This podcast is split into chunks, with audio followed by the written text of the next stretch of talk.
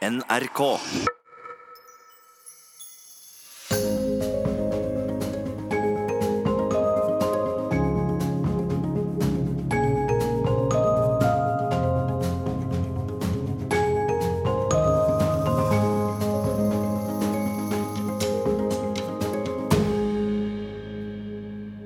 Men hva mener du da, Marie? Gjennom hele ungdomstiden hatet jeg å få dette spørsmålet. Jeg var livredd for å si hva jeg mente. Men etter noen år som jente i en mannsdominert musikkbransje, skjønte jeg at jeg var nødt til å lære meg å ta standpunkt, og hvor viktig det er å tørre å si hva man mener. Mitt navn er Marie Amdam. Jeg er 27 år, er vokalist og låtskriver i bandet Rassika og jobber på Bergen offentlige bibliotek. I Juli P2 i dag skal jeg snakke litt om hvor viktig det er å tørre å være annerledes. Jeg vil snakke om hvordan jeg ble feminist, og hvorfor det er så viktig at jenter tør å ta plass. Og så skal jeg fortelle litt om hvordan plassen du vokser opp på, kan være med å forme deg til den du er. Jeg vokste opp midt i Bergen sentrum i en bydel som heter Møhlenpris. For å komme dit må du over Nygårdshøyden og ned mot Puddefjorden. Møhlenpris består av ærverdige bygårder, mange sosialboliger og en kjempestor fotballbane. Da jeg vokste opp på Møhlenpris, var bydelen en salig blanding av innvandrere, akademikere, kunstnere og rusmisbrukere. Bydelens store park, Nygårdsparken, var nemlig tilholdssted for byens narkomane. Jeg lærte tidlig at de narkomane ikke var noen man skulle frykte, og at det ofte var mennesker som hadde opplevd fryktelige ting i livet, som gjorde at de hadde valgt å vie livet til rusen. Selv om vi egentlig skulle holde oss unna dem, pleide vi ofte å prate med de etter skolen. De fortalte historier vi aldri kommer til å glemme, og vi lovet dem på tro og ære at vi aldri skulle begynne med dop. Da jeg senere begynte på ungdomsskolen, opplevde jeg ofte at folk ikke fikk lov til å besøke oss, fordi vi bodde på Møhlenpris. Det har jeg aldri forstått. Folk rundt i forstedene var livredde for hva som skjedde der nede hos oss. Når jeg tenker på det i dag, er jeg stolt over å ha vokst opp på en plass hvor det var rom for alle. Et slags verden i Bergen. Livet på Møhlenpris var bra, og på en måte litt gammeldags. Hjemme hos oss hadde vi verken PlayStation eller kabel-TV, og jeg tror også at vi var blant de siste som fikk internett. Mobiltelefoner var det ikke snakk om. Hjemme hos oss skulle vi kjede oss. Kjed som et skap kreativitet, kom dere ut og finn på noe, proklamerte faren min, og jeg hatet å høre det. I dag er jeg ganske takknemlig for dette, særlig med tanke på hvor lat jeg var. Som barn var jeg så lat at foreldrene mine ble kalt inn til foreldresamtale i barnehagen fordi to år gamle Marie nektet å klatre i klatrestativ og kun ville sitte stille i ro i sandkassen. Vi måtte ut av huset, finne på ting, og på Møhlenpris var det én ting som gjaldt – fotball. Bydelen var og er preget av store klasseforskjeller, både sosiale og økonomiske. Men på tross av disse store skillene hadde vi noe som samlet oss, og ikke minst et sted å samle oss, og det var på fotballbanen. Her ble alle de sosiale skillene visket ut, og det handlet kun om du var med eller ikke. Så derfor var man med, til og med jeg, som aldri verken har likt å spille fotball, eller var god til å spille fotball. Jeg spilte fotball i over ti år fordi det var det man gjorde, og det var der alt skjedde. Om du ikke var på banen, så gikk du glipp av alt. Der spilte det ingen rolle hvor du kom fra, hvem foreldrene dine var, om man hadde råd til å dra på sommerferie eller ikke, det handlet om å være med. På Møhlenpris var det helt greit å være rar. Det var ingen som brydde seg så mye om at jeg lagde kunstutstillinger på rommet, skrev dikt og historier eller syntes det var kult å spille jazzpiano. Å være litt rar eller annerledes var ikke noe negativt. Så lenge du var med på fotballbanen, så var liksom alt greit. Men da jeg begynte på ungdomsskolen, forsto jeg at det å være litt rar ikke lenger var så positivt. Jeg merket fort at vi fra Møhlenpris, var litt annerledes, det var, det var som vi hang litt etter. På skolen vår var det ingen som hadde brydd seg om merkeklær, mest av alt fordi det ikke var noen som hadde råd til det. Jeg hadde hørt rykter om Sixty og Lindeberg-gensere, som var veldig populære på denne tiden, men dette var absolutt ikke noe jeg forholdt meg til. Plutselig snakket folk om merkeklær, penger, hvor man bodde, hvem som hadde blitt sammen med den og den tiendeklassingen. Dette var helt fremmed for meg, og jeg fant fort ut at jeg var ganske langt nede på den sosiale rangstigen. Jeg var en raring. Når man er tenåring, er det ikke alltid så kult å føle seg annerledes. Jeg hadde stort, bølgete, rødt hår, regulering oppe og nede, brukte dramatisk sminke og skjønte fort at jeg ikke var så populær blant guttene. Heldigvis hadde jeg oppdaget musikken. Det gjorde jo fort at jeg ble venner med guttene som var like glad i Clash og Ramones som meg, og jeg ble selvfølgelig hodestubbsforelsket. Hver gang de skulle betro seg til meg, håpet jeg på å høre de fantastiske ordene Jeg liker deg, Marie. Men gang på gang viste det seg at de bare ville at jeg skulle skaffe telefonnummeret til den peneste jenten i klassen. Å gå på en stor ungdomsskole midt i byen burde tilsi at man ekspanderte vennekretsen og møtte folk fra andre bydeler og fikk massevis av nye venner. Ikke i mitt tilfelle. I niende klasse fant noen av oss Møhlenpris-folk tilbake til hverandre igjen. Vi hadde lidd oss gjennom første året på ungdomsskolen, og hadde fort skjønt at ting var annerledes enn det frie livet vi hadde levd på barneskolen. Mine venninner, Embla, Maria og Marie, var like rare og sosialt ukomfortable som meg. En vårdag i niende klasse forsto vi det. Plutselig innså vi hva som var redningen, og hvordan vi skulle komme oss ut av dette evige raringstempelet. Vi måtte starte band, og dermed var Rassiga i gang. Jeg var en nerd. Jeg var flink på skolen og gjorde stort sett ikke noe galt, men jeg var lidenskapelig opptatt av musikk, på den måten bare folk på ungdomsskolen kan være opptatt av musikk. Hver fredag etter skolen dro jeg på biblioteket og lånte store bunker med CD-er som jeg brente inn på dataen og brukte hele helgen til å høre på. Sommeren 2006 hadde vi vår første øving. Vi kunne ikke spille, men det var ingen hindring. Vi ble sikkert gode etter hvert, tenkte vi. Det viktigste var at vi var et band. Vi var en gjeng. Helt fra begynnelsen av elsket jeg denne bandmentaliteten. Enten det var som Beatles, Nirvana eller Arctic Monkeys, denne vennegjengen som også var byens kuleste band. Vi låt helt elendig, men helt ukritisk sa vi ja til hvert eneste konserttilbud. Vi var byens største skrangleband og brydde oss ikke særlig når folk sa at det ikke låt så bra. Å gå med en gitar på ryggen over Torgallmenningen var lykken i livet. Se på meg, ser dere hvor ekstremt kul jeg er, jeg spiller jo i band! Embla som spilte trommer, sørget alltid for at trommestikkene stakk litt ut av vesken. Ingen skulle tvile på hva vi holdt på med. Men én ting vi bommet på, var at vi trodde at bandvirksomheten skulle gjøre oss kulere på skolen. Der tok vi feil. Folk syntes jo bare vi ble enda rarere, bortsett fra lærerne, da. Når jeg tenker tilbake på det i dag, blir jeg nesten litt overrasket over hvor fryktløse vi var. Når folk sa at vi spilte dårlig, ristet jeg bare på hodet og tenkte at de ikke hadde skjønt hva vi holdt på med. Det er egentlig ganske fascinerende hvor lite vi ble påvirket av hva andre mente, men jeg tror det handler om fellesskapsfølelsen. Jo sterkere følelsen av et fellesskap er, jo lettere tror jeg det er å ikke ta ting personlig. Jeg husker at vi var så stolte av bandet og hva vi fikk til. Vi skjønte jo at vi ikke var verdens beste musikere, men når folk sa at vi spilte dårlig, kjente vi bare en enda større trang til å vise dem at vi skulle klare å bli bedre, fortsette å bli så gode som vi kunne bli. Og nettopp denne fryktløsheten tror jeg har gjort oss til det tydelige bandet vi er i dag. Vi har ikke brydd oss om å tilpasse oss etter hva folk skulle mene om oss. Vi har trodd så mye på vårt eget prosjekt, og det har vært det viktigste. At vi har vært stolte av hva vi har laget. Så får det være opp til alle andre om de liker det eller ikke.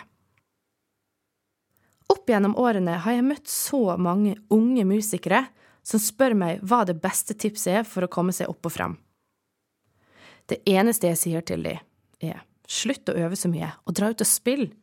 Mange har så høye forventninger til egen innsats og sitt eget prosjekt at de glemmer hvor viktig og hvor god man kan bli når man faktisk tør å kaste seg ut til det.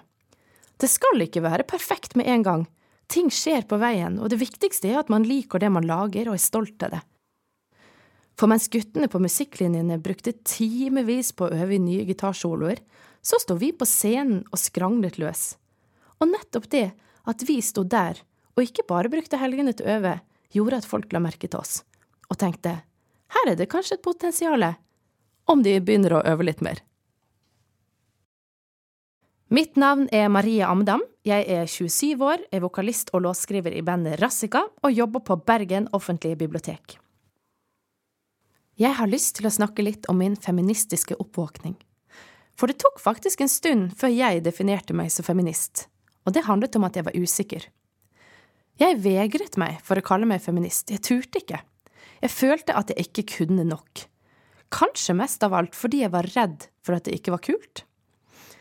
Var det for ekstremt?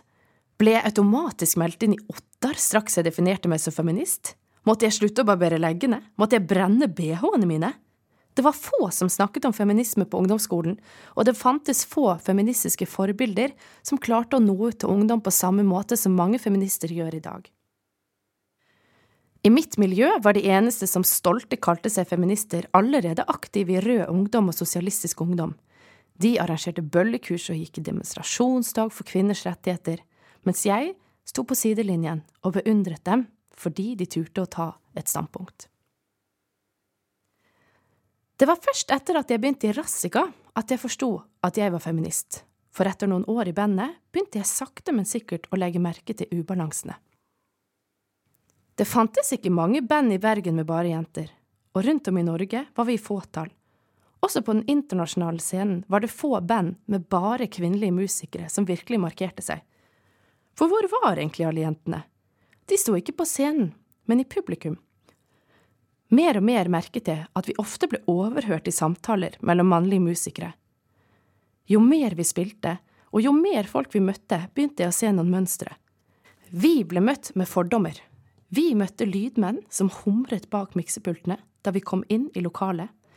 Vi møtte folk som spurte om vi klarte å skrive våre egne sanger, og vi forsto rett og slett at folk ikke tok oss helt på alvor, fordi vi var et band med bare jenter i. Jeg ble sint. Men ut fra dette sinnet sprang den feministiske tankegangen fram. Nå skal jeg bevise at jeg er like god som guttene, tenkte jeg. Og med denne tankegangen utviklet Rassika seg til å bli mer enn bare et band. Det ble til et feministisk prosjekt. Ta plass, Marie, sa jeg til meg selv. Og det gjorde jeg. Å spille i Rassica er et sterkt fellesskap, men det å kalle seg feminist gjorde at jeg følte meg som en del av et enda større fellesskap. Å vite at kvinner før deg har tatt plass og sagt fra om urettferdighet og ulikhet, gjør deg sterkere. I alle fall gjorde det meg sterkere. Og det gjorde meg helt sikker på én ting det var ikke farlig å bli feminist.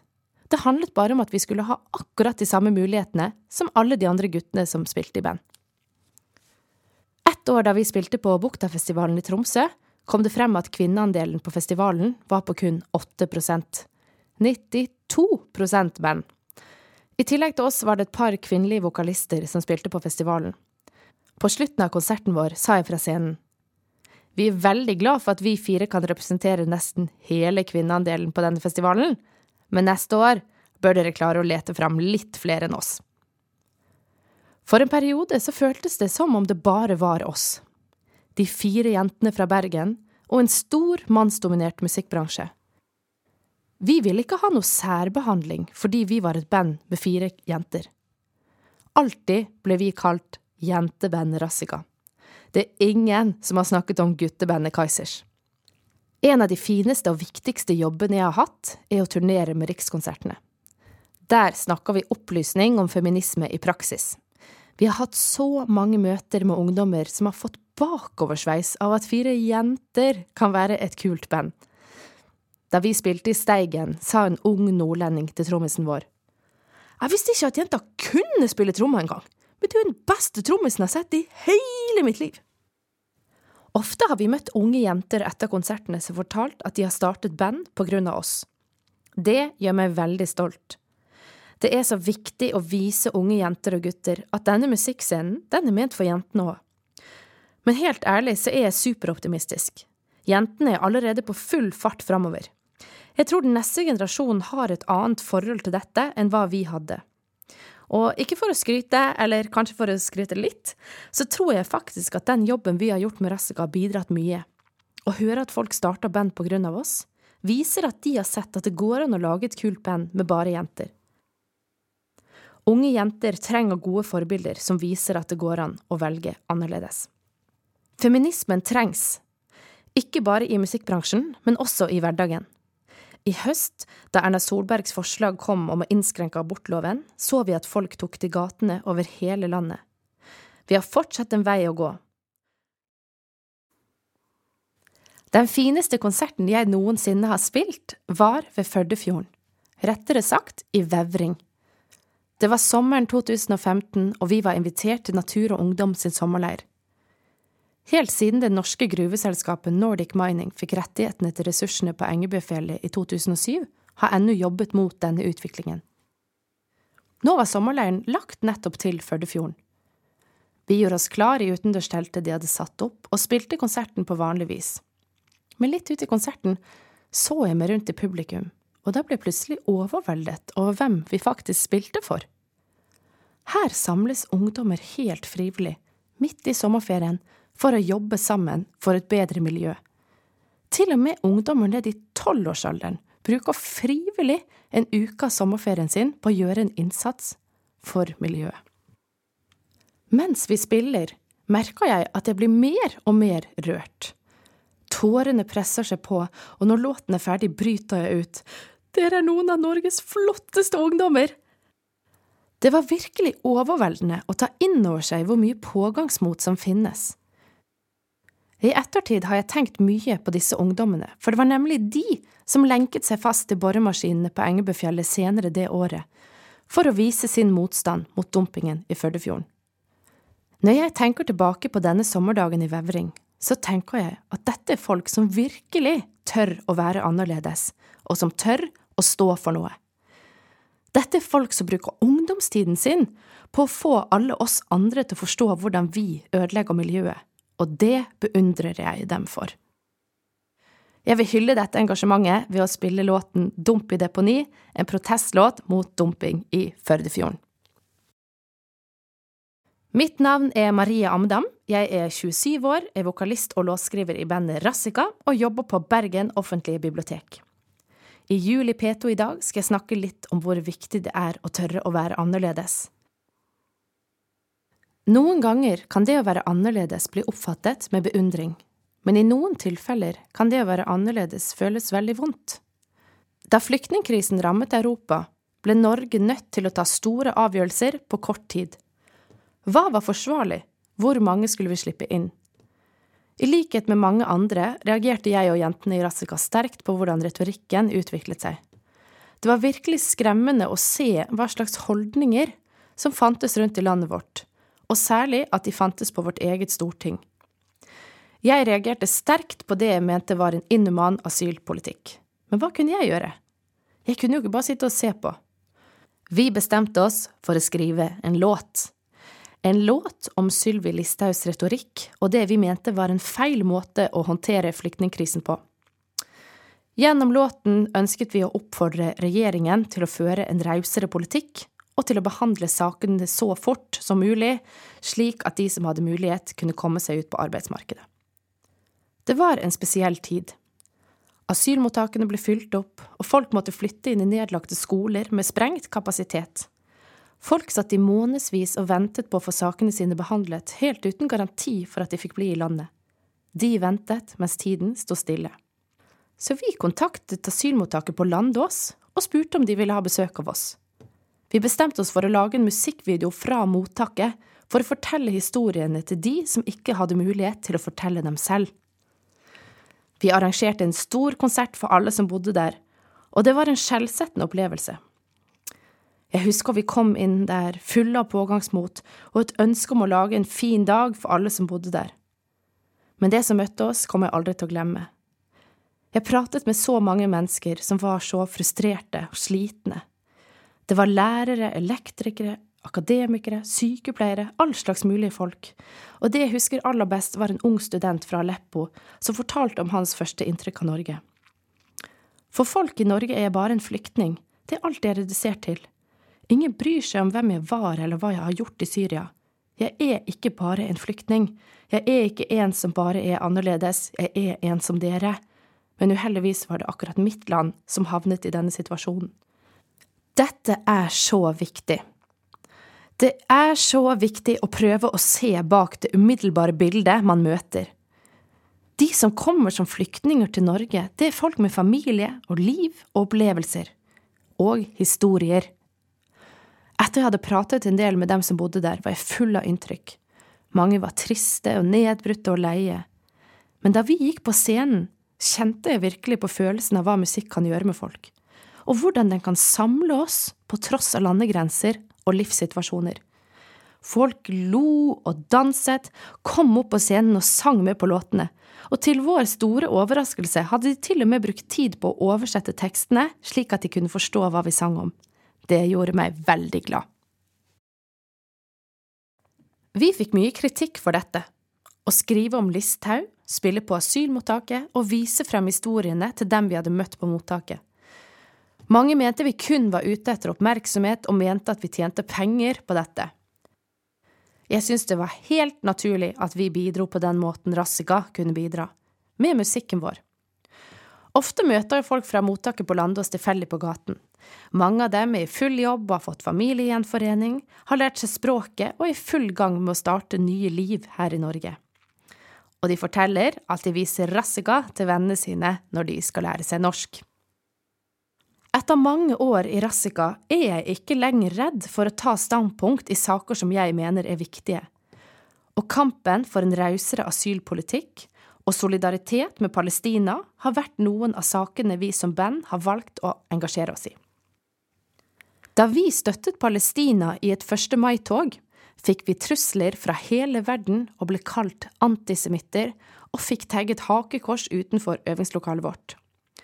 Alt vi ønsket var å vise solidaritet med det palestinske folket og rette kritikk mot politikken staten Israel fører. Det må gå an å kritisere staten Israel uten å bli stemplet som jødehater. Mange har spurt meg om det var verdt det, og det syns jeg. Det er jo ikke oss det er synd på. Dersom man er så heldig å ha en stemme i den offentlige debatten, er det viktig at man bruker den til noe fornuftig. Jeg kan ikke forestille meg at det er så interessant å høre om om igjen og om igjen hvordan musikere jobber i studio, eller hvordan låtene blir til. Jeg mener at jeg har et ansvar for å si fra om ting som jeg opplever som urettferdig. Enten det gjelder seksuell trakassering, den lave kvinneandelen på festivaler rundt i landet, eller når vi mener Israel behandler Palestina på en inhuman måte. Man må tørre å ta standpunkt. Så mister vi kanskje noen lyttere og får en hel gjeng som syns at vi er noen naive raddiser, men det lever jeg helt godt med. Jeg hater julen, sa han. Det var lille julaften, og mamma og jeg var på vei til butikken for å gjøre de siste innkjøpene til jul. Da møtte vi på en gammel rusmisbruker vi pleide å se i parken, og dette sa han da vi gikk forbi hverandre. Jeg kommer aldri til å glemme de ordene. Møhlenpris er fortsatt en bydel med kontraster.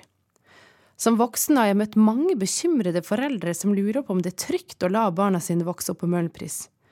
Det var jo så mange narkomaner der, og helt utrolig mye innvandrere. Få ting gjør meg mer provosert. Dette er jo verden.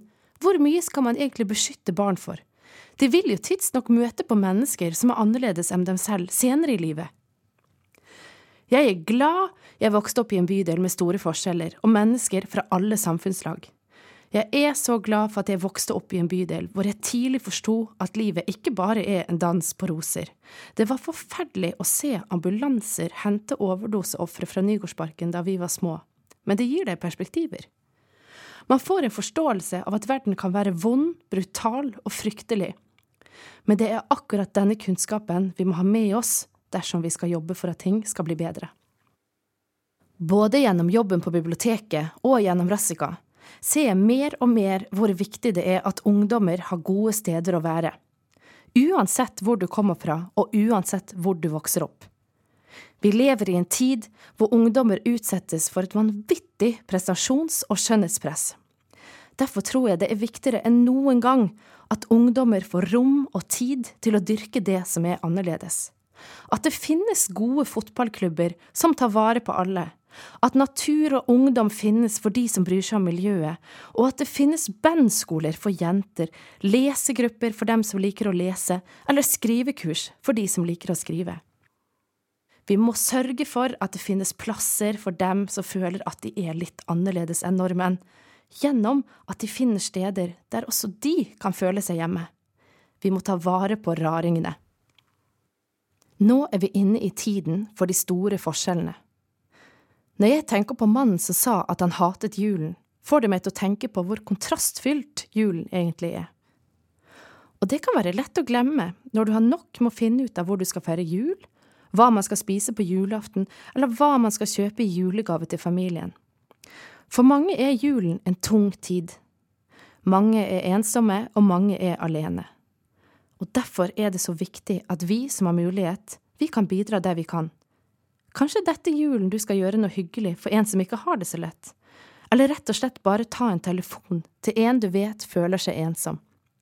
Det koster oss så lite, og det kan bety så veldig mye.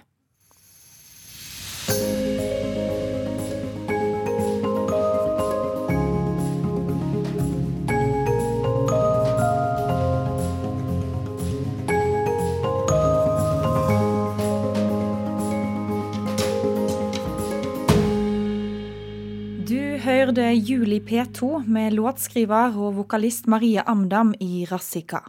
Produsent var Marte Rommetveit. Full versjon av programmet med musikk finner du på NRK Radio. NRK.